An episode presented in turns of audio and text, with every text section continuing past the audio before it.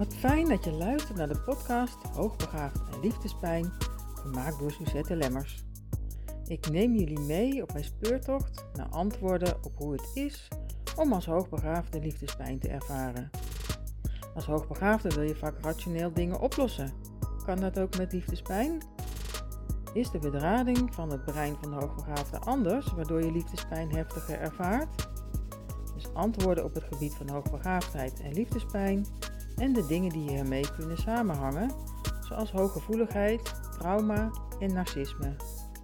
Iedere week inspirerende interviews, waardevolle inzichten over wat liefdespijn kan zijn en praktische tips hoe jij als hoogbegaafde met jouw liefdespijn om kunt gaan, zodat er weer liefde in jouw leven kan stromen. Ja, hoezo een podcast over hoogbegaafde liefdespijn? De reden is dat ik ga podcasten over hoogbegaafde en liefdespijn, is omdat ik al een tijdje bezig ben te onderzoeken hoe dat nu bij mij werkt, hoogbegaafde en liefdespijn. Mijn verlangen is er al zeker een half jaar uh, om hier podcast over te maken, over mijn uh, speurtocht naar antwoorden ja, op deze onderwerpen hoogbegaafde en liefdespijn en wat hiermee zou kunnen samenhangen.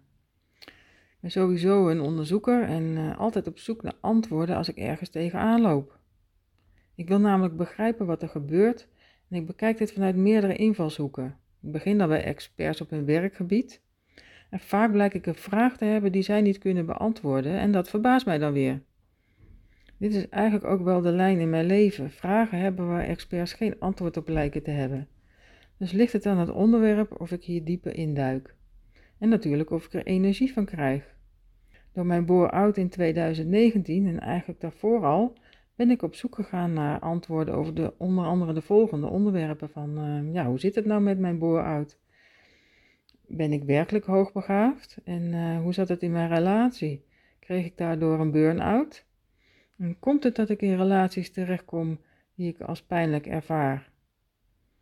Nou, ik ben ook gaan uh, erkennen dat ik hoogbegaafd ben. In de kenmerken van hoogbegaafdheid herkende ik me al 17 jaar geleden. Toen heb ik een test gedaan bij mensen en er kwam net twee punten tekort. En toen dacht ik van ja, dan ben ik zeker zo iemand die graag hoogbegaafd wil zijn. Maar ja, dat ben ik dus niet. En in die periode, rond 2004, was er ook nog niet zoveel over bekend dan nu.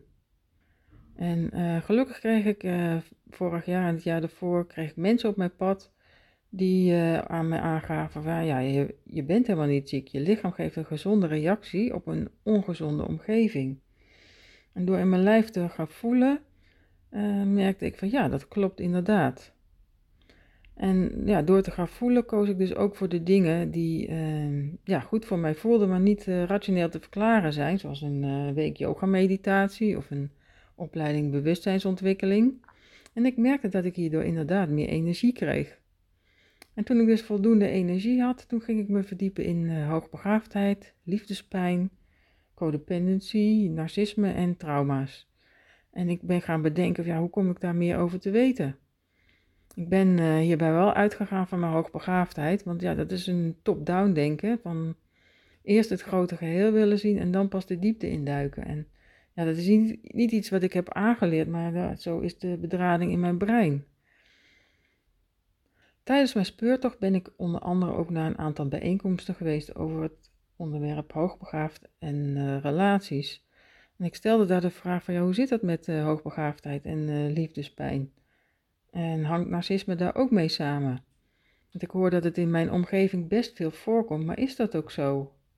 Ja, de deskundige die daar die avond de bijeenkomst gaf, die kon me daar geen antwoord op geven. En in de pauze werd ik benaderd door diverse hoogbegaafden, door HB'ers, die die zeiden van ja, ik herken het bij mezelf ook. Of ik, ja, ik ken iemand in mijn omgeving die dat ook heeft gehad. Ja, zo heb ik dus een aantal bijeenkomsten hier over, hoogbegaafde en relaties bijgewoond, maar de deskundigen die konden mij daar geen antwoord op geven.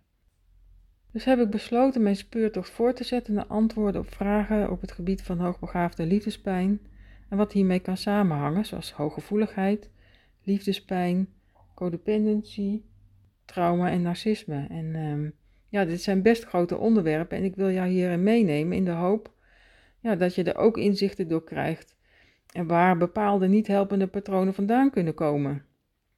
Als je tips hebt over wie ik hierover zou kunnen interviewen, zoals een uh, schrijver, een therapeut, een uh, ervaringsdeskundige, of misschien heb je een interessant boek uh, gelezen of een mooie film gezien, laat het me weten. Dan kan ik hierover een podcast maken. En oh ja, waarom het zo lang geduurd heeft voordat ik deze podcast ben gaan publiceren, ja, dat heeft te maken met perfectionisme. En ehm, ja, als hoogbegaafde zal perfectionisme jou ook waarschijnlijk bekend in de oren klinken. Ik hoop dat ik jou, mijn luisteraar, kan inspireren met wat ik tot nu toe ben tegengekomen. En uh, dat jij eruit haalt wat je op dit moment nodig hebt. Bedankt dat je luisterde naar deze podcast Hoogbegaafd en Liefdespijn. Abonneer je op deze podcast zodat je iedere week weer naar een nieuwe aflevering kunt luisteren over dit boeiende onderwerp. Meer informatie over hoogbegaafd en liefdespijn vind je op justchange.live. Heb je suggesties over wie ik zou kunnen interviewen over deze onderwerpen? Laat het me weten via suzette.lemmers.gmail.com. Graag tot de volgende podcast Hoogbegaafd en Liefdespijn.